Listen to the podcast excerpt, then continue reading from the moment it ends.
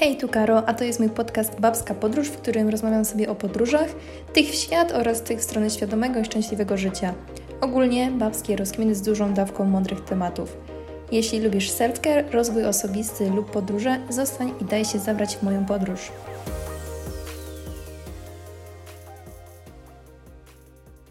Ostatnio po jednej rozmowie na Instagramie z pewną osobą, Kuba, pozdrawiam Cię, mm, rozmawialiśmy o kampie i właśnie mm, Kuba powiedział mi, że leci do Stanów pierwszy raz na kampa. I tak od słowa do słowa pomyślałam, że może fajnie byłoby jeszcze wyczerpać trochę temat kampów i wyjazdów na work and travel do, do Stanów Zjednoczonych, ponieważ teraz jest taki moment, że dużo ludzi właśnie jest na tym etapie szukania, yy, ogarniania w ogóle tematu, interesowania się tym, żeby polecieć i, i tak dalej. Więc dzisiaj przychodzę z takim praktycznym odcinkiem z racji tego, że jestem już troszkę doświadczona w tym temacie. Miałam okazję być już dwa razy na kampie w Stanach.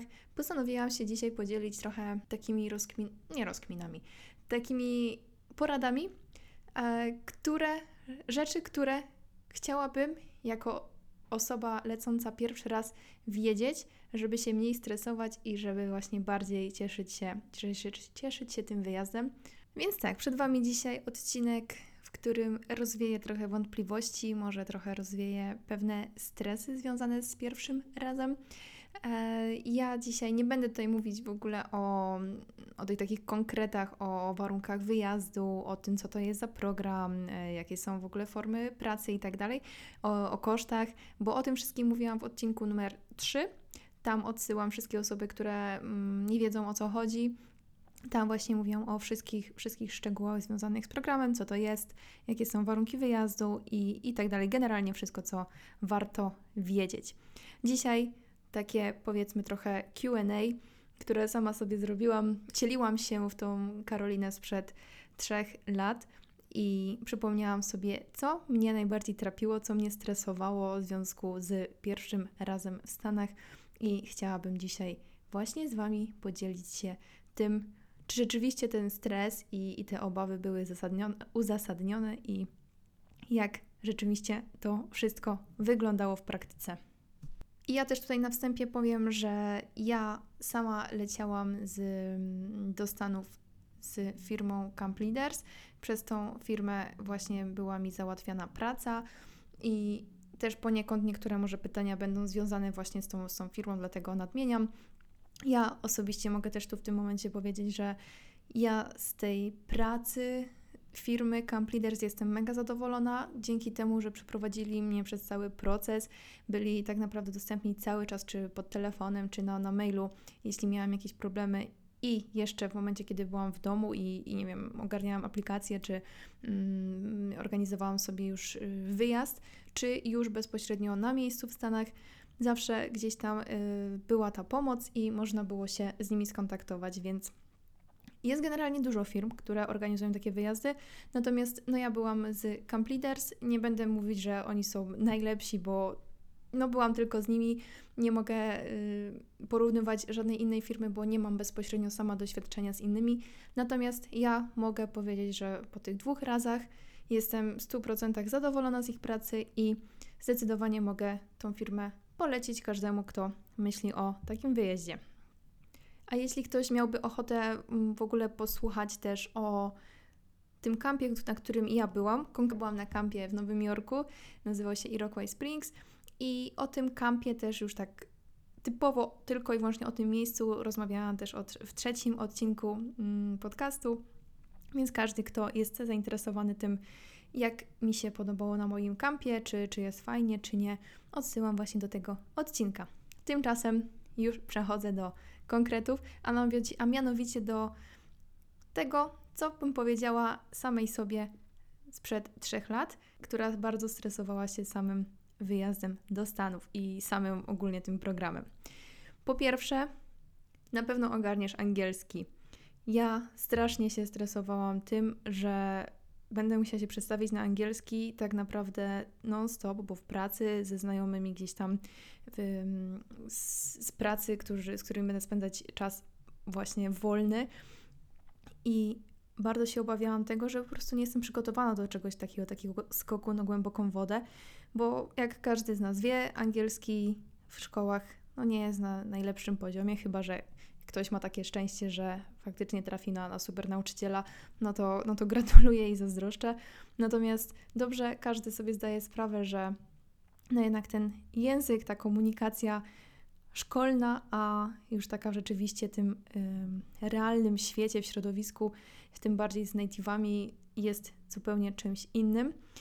Niemniej jednak angielskiego na pewno trochę znasz i skoro lecisz na, na, na lecisz do Stanów na program, to już jakieś doświadczenie z angielskim masz, przeprowadzono z tą rozmowę rekrutacyjną, potrafiłeś, potrafiłaś zrozumieć pytania, potrafiłaś, potrafiłeś się wypowiedzieć, więc to, żeby się komunikować po angielsku swobodnie, to jest kwestia czasu.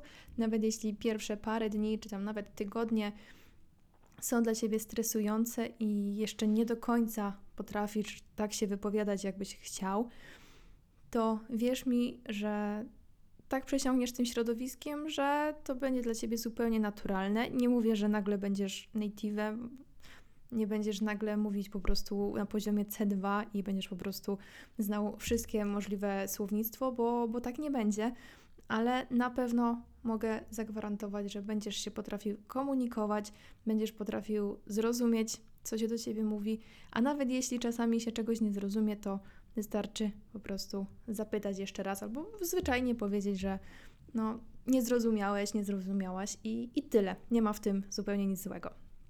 Druga sprawa to rozmowa z konsulem w ambasadzie czy w konsulacie e, w sprawie wizy nie jest niczym strasznym. Jest to na pewno stresujące przeżycie, natomiast trzeba to po prostu przeżyć. Nie ma w tym nic strasznego. Dostaniemy jedno czy dwa pytania, które naprawdę nie są podchwytliwe, tylko bardziej to jest kwestia tego, żeby trzymać swój stres na wodzy i po prostu to, to przeżyć. To jest chwila, moment. Same bardziej właśnie te oczekiwanie jest stresujące niż już ta, ta rozmowa, więc tutaj naprawdę no po prostu trzeba to przeżyć i, i tyle. To samo jeśli chodzi o rozmowę już na miejscu, na lotnisku po przylocie do Stanów, czyli rozmowa z, z tą kontrolą celną. Wiem, że można różnie trafić na różne osoby, natomiast to też nie są osoby, które nam specjalnie dadzą jakieś podchwytliwe pytania. Mm, jakby nie, oni nie mają celu takiego, żeby, nie wiem, cofnąć cię na, na tej granicy i, nie wiem, kazać ci wracać do Polski z powrotem do samolotu, no bo, no bo to nie o to chodzi, tak? Już jesteś fizycznie na tej ziemi i no oni nie, nie będą na pewno na siłę cię chcieli, mm, że tak powiem, y, udeptać i, i po prostu kazać ci wrócić do, do Polski, więc to też tak samo jak rozmowa z konsulem. Stresik jest na pewno, natomiast to jest chwila, moment i już można się po prostu cieszyć tym, że jest się na, na tej ziemi amerykańskiej i, i można po prostu cieszyć się tym, tym czasem. Trzecia rzecz to to, żeby się nie wystraszyć, że nie ma internetu na lotnisku po przylocie do Stanów, bo w moim chyba wydaje mi się, że tak jest wszędzie, natomiast yy, ja przy, gdy przyleciałam już yy, szłam do kontroli, jakby byłam fizycznie już w terminalu, nie mogłam się w ogóle połączyć z internetem. Natomiast w momencie, kiedy już przeszłam kontrolę i byłam już w innym pomieszczeniu na tym lotnisku, to internet zaczął działać. Więc ja pamiętam, że miałam panikę po prostu taką, że o nie, ja teraz jak, jak mam w ogóle sprawdzić, jak mam dojechać, czy, czy mm, jak się skontaktować, mieliśmy, mieliśmy się skontaktować z kampem, więc i w ogóle nie wiedziałam, jak to zrobić. Później się okazało, że w momencie, kiedy przeszłam przez kontrolę, to ten internet był, bo jakby cały czas widniała sieć Wi-Fi, natomiast nie dało się tego, nie dało się, nie dało się połączyć. W momencie, kiedy przeszłam, już było wszystko ok. Kolejna rzecz jeszcze taka około lotniskowa, wyjazdowa, to to, żeby nie bać się przesiadki, bo w momencie, kiedy my lecimy do Stanów, większość z nas ma przesiadkę w jakimś y, kraju europejskim i tam trzeba w miarę szybko odnaleźć swój terminal na kolejny lot. Ja pamiętam, jak za pierwszym razem po prostu dla mnie to był taki stres, bo te loty przesiadkowe, ten, ten lot do Stanów jest zazwyczaj z dużego lotniska i wszystkie lotniska gdzieś tam polskie chowają się przy tych lotniskach większych. Więc to był dla mnie stres, że ja nie wie, bałam się, że ja, nie wiem, miałam dwie godziny na przesiadkę i że ja po prostu nie, nie ogarnę, nie będę wiedziała, gdzie iść, gdzie jest ten, gdzie jest ten mój drugi samolot. Ja leciałam z Amsterdamu i rzeczywiście, jak przyleciałam tam, to po prostu nie wiedziałam, gdzie patrzeć, nie wiedziałam, gdzie iść. Jeszcze się okazało, że między terminalami tam jeżdżą jakieś autobusiki, jakieś transfery. Więc mówię, kurczę, jeszcze tam były takie mm, tablice, gdzie było napisane, że do terminalu trzeciego idzie się na przykład 20 minut, nie? A mówię, kurczę, no, no świetnie, jeszcze człowiek pójdzie w nie tą stronę, co trzeba i, i po prostu prze, przegapi samolot. Natomiast naprawdę nie ma w tym nic strasznego. Jeśli nie mamy pewności, czy idziemy w dobrą stronę, wystarczy się po prostu kogoś zapytać. Ta ilość czasu na przesiadkę jest na tyle odpowiednia, żeby właśnie zdążyć dojść do kolejnego samolotu. Na pewno nie będzie tak, że nie wiem, przesiadka trwa pół godziny i, i my po prostu no, musimy zwarci gotowi po prostu od razu pędzić sprintem do, do, kolejnego, do kolejnych bramek. Jasne, tak się może zdarzyć, jak jest opóźniony pierwszy lot, natomiast i w takiej sytuacji nie ma się co stresować, bo linia lotnicza ma obowiązek przebukować lot na najbliższy, najbardziej właśnie dopasowany do, do nas, więc zupełnie w ogóle się nie ma czym przejmować. Na pewno do Stanów się doleci. I jak już mówiłam wcześniej o tym, o kontroli już w Stanach, to ostatnia rzecz związana właśnie z transportem to dojazd na kamp. Ja już przed chwilą mówiłam właśnie, że się stresowałam, że nie mam tego internetu, bo też nie, nie miałam na początku karty SIM. Ja tylko bazowałam na gdzieś tam dostępnych Wi-Fi z McDonaldu. To dla mnie było stresujące to, czy ja będę w stanie w ogóle z lotniska dostać się do kampu, bo wiadomo, kampy nie znajdują się w centrum miasta i trzeba gdzieś dojechać jeszcze. Po pierwsze z lotniska do centrum miasta i potem jeszcze z tego miasta do, do, do kampu. W moim przypadku ja lądowałam na JFK w Nowym Jorku. Potem musiałam dojechać metrem do centrum Nowego Jorku i dopiero tam, jeszcze z innego w ogóle dworca, wziąć autobus lub pociąg do, do tej mojej wiochy, do Rock Hill. Więc ta podróż trwała chyba z 3 godziny. No, po pierwsze, kamp powinien zorganizować taką instrukcję, gdzie jest po prostu krok po kroku napisane, jak dojechać. A po drugie, jeśli mamy jakiś problem, pamiętajcie, zawsze można zapytać, zawsze też jest infolinia. W moim przypadku Camp Leaders fajnie było to, że jest infolinia 24 na dobę, do której można zadzwonić i która nam pomoże. Czy skontaktuje się z kampem, poinformuje, gdzie jesteśmy, co się dzieje, więc nie ma się też co, co martwić na zapas. Jeśli nie mamy internetu, potrzebujemy ten internet, żeby coś sprawdzić, autobus albo, nie wiem, sprawdzić sobie mapę, to Wszędzie są tak naprawdę dostępne sieci Wi-Fi darmowe, czy jakiś McDonald's, czy Starbucks. Tak naprawdę nie ma co panikować na zapas, tylko po prostu znaleźć odpowiednio, odpowiednie miejsce, sprawdzić ten internet i, i po prostu cieszyć się. Cieszyć się tym, że już w końcu człowiek jest na miejscu i, i wylądował. Teraz mam jeszcze dwa, dwa zagadnienia związane z pakowaniem. Pierwsze, i to jest naprawdę, weźcie to na serio, Mówię to ja, kobieta. Co prawda, ja jestem bardziej minimalistką, ale mimo wszystko dalej mm, zrobiłam ten błąd lecąc tam pierwszy raz, a mianowicie nie bierz za dużo ciuchów. W momencie, kiedy jesteś na kampie i pracujesz 6 razy w tygodniu, wierz mi, nie masz możliwości, nawet nie masz chęci, żeby się przebierać w jakieś fajne ciuchy, bo po pierwsze, zazwyczaj no nie chodzi się codziennie do jakichś knajp, w ogóle o ile, o ile w ogóle coś takiego jest w pobliżu waszego kampu, to wierzcie mi, że tak jak ja pamiętam mój kamp, mój, moich, mój zespół z, z pracy, to my zazwyczaj nawet w ogóle się nie przebieraliśmy z tych koszulek kampowych, tylko właśnie w tych ciuchach po prostu szliśmy gdzieś, nie wiem, posiedzieć na jakiś film, czy, czy nawet na siłownię. Pamiętam, że chłopaki nawet nie przebierali koszulki, tylko szli w tych t-shirtach z kampu, bo wiedzieli, że i tak ta koszulka idzie do prania, a po prostu się jeszcze wypocą trochę na, na tej siłowni i, i mogą ją wrzucić później do, do pralki. A takie ciuchy właśnie jakieś eleganckie, jakieś, jakieś takie wieczorowe, pewnie, na pewno się sprawdzą parę razy, natomiast nie warto ładować do walizki po prostu całej naszej szafy, bo zwyczajnie nie będzie tyle okazji, żeby tego ubierać. Myślę, że bardziej te ciuchy przydadzą się w momencie, kiedy już podróżujemy i jasne, wtedy fajnie właśnie fajnie mieć takie ciuchy właśnie trochę ładniejsze, czy, czy jakieś nasze takie bardziej ulubione. to wtedy jak najbardziej, ale po pierwsze, w Stanach jest bardzo dużo fajnych sklepów, w których można kupić bardzo fajne ciuchy. Mamy TJ Maxa, czyli taki odpowiednik naszego TK Maxa, mamy Marshalla, mamy fajne inne sklepy, których naprawdę kupimy super ciuchy i wierzcie mi, że ja wiem po sobie, wiem po innych ludziach z mojego kampu, że no na pewno zawsze się coś fajnego upoluje i też nie warto później yy, w, w, panice po prostu wyliczać kilogramów na, na powrót do Polski, bo się okazuje, że mamy za dużo wszystkiego. No a druga sprawa jest taka, że te pralnie na kampie to są po prostu takie pralnie, które mielą po prostu ogromne ilości ciuchów, kołder, bo tak naprawdę w pralni bierzemy wszystkie rzeczy po, po dzieciakach, ich poszewki z poduszek, koce i tak dalej.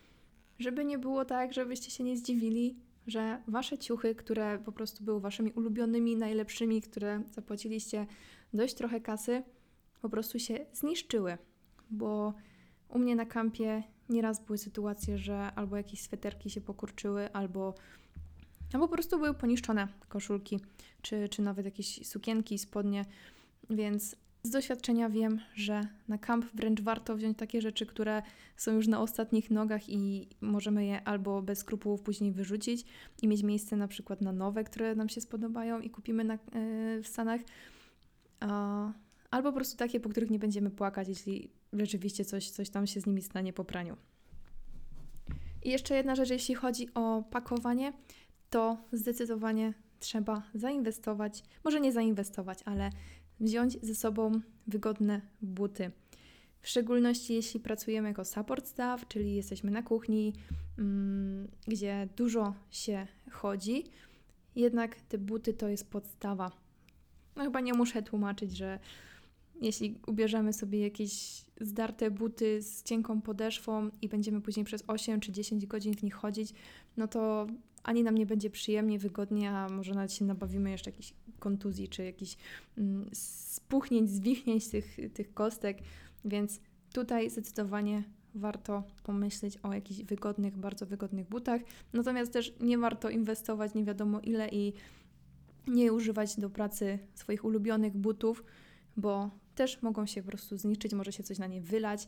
Mają to być wygodne buty, ale też nie jakieś nasze super drogie, czy jakieś nasze ulubione buty. Absolutnie, absolutnie nie, nie idźmy w tą stronę. Kolejna rzecz, czy starczy mi kasy? No to już jest dość trudne pytanie, ponieważ nie jestem w stanie nikomu z Was powiedzieć, że Wam starczy albo Wam nie starczy kasy, bo od tego, czy, czy będziecie mieć odpowiednią ilość pieniędzy na podróżowanie, no to jest już jak najbardziej zależne tylko i wyłącznie od Was. Wiecie, jeden oszczędza więcej, jeden oszczędza mniej, jeden w ogóle nie umie w oszczędzanie, więc ja mogę powiedzieć z mojego doświadczenia, że ja przez dwa lata ani razu nie dopłacałam ze swojej własnej kasy do podróży.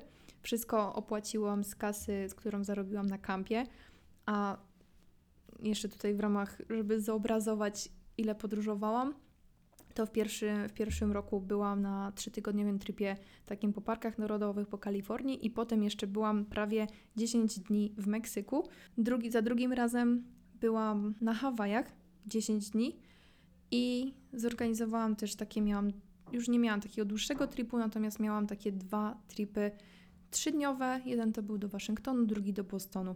I w jednym i w drugim przypadku nie dokładałam kasy prywatnej i tak samo że w obu przypadkach przywiozłam trochę jeszcze kasy do Polski. Natomiast tutaj uczulam, jeśli rzeczywiście nie mamy albo nie chcemy przeznaczać kasy, którą mamy prywatnie jakąś zarobioną w Polsce, to po prostu najlepiej w, gdzieś początkiem właśnie planowania, jeśli już mamy mniej więcej zarysowane, co chcemy zobaczyć, gdzie chcemy pojechać, zrobić taki wstępny kosztorys. Wiadomo, ciężko jest to samemu gdzieś ustalić, jeśli jeszcze tego nie robiliśmy, nie byliśmy w tych miejscach, natomiast założyć sobie jakiś budżet, mniej więcej sprawdzić, ile kosztują loty, ile kosztują noclegi, bo to będzie nas kosztować najwięcej, mm, jakieś wypożyczenie samochodu i po prostu mieć świadomość i odkładać najlepiej w jakieś osobne miejsce kasę, którą przeznaczamy na podróże. Tu nie chodzi o to, żeby tobie teraz wszystkiego odmawiać, tylko z takim zdrowym rozsądkiem, jeśli my mamy jakieś większe plany co do podróżowania i nie chcemy wydawać zbyt dużo, to warto już na wstępie sobie założyć jakiś planowany budżet i wtedy można coś działać dalej. I dwie ostatnie rzeczy to też już są związane z podróżowaniem. A pierwsza to jeśli lecisz sam i masz obawę, że nie będziesz mieć z kim podróżować i finalnie nie będziesz podróżować, bo, bo nie masz z kim, to uważam, że na spokojnie kogoś znajdziesz. W moim przypadku ja z moim chłopakiem znaleźliśmy kolegę po prostu na kampie, który też miał przerwę w tym samym czasie co my i jeździliśmy w trójkę. Natomiast w przypadku firmy Camp Leaders oni co roku y, tworzą grupę na Facebooku, taki fanpage, gdzie są zapisani wszyscy, którzy biorą udział w danym roku w, w kampie i tam po prostu w momencie, kiedy już jest ten sezon wakacyjny, to tam jest po prostu ogrom, ogrom postów, gdzie ludzie piszą, że szukają osób do podróżowania albo że potrzebują, nie wiem, jeszcze jednej osoby do auta, wymieniają się tymi swoimi planami na podróżowanie. My tak właśnie z moim chłopakiem znaleźliśmy ekipę na Hawaje w tym roku i tak też znajdowali ekipy nasi znajomi z kampu, z, z pracy i naprawdę tam można znaleźć bardzo dużo ludzi i takich osób, które jadą sami, jest dużo, dużo więcej niż Wam się wydaje, więc naprawdę nie ma też co się na, na starcie gdzieś tam już e, poddawać, że nikogo nie znajdziemy, tylko po prostu szukać.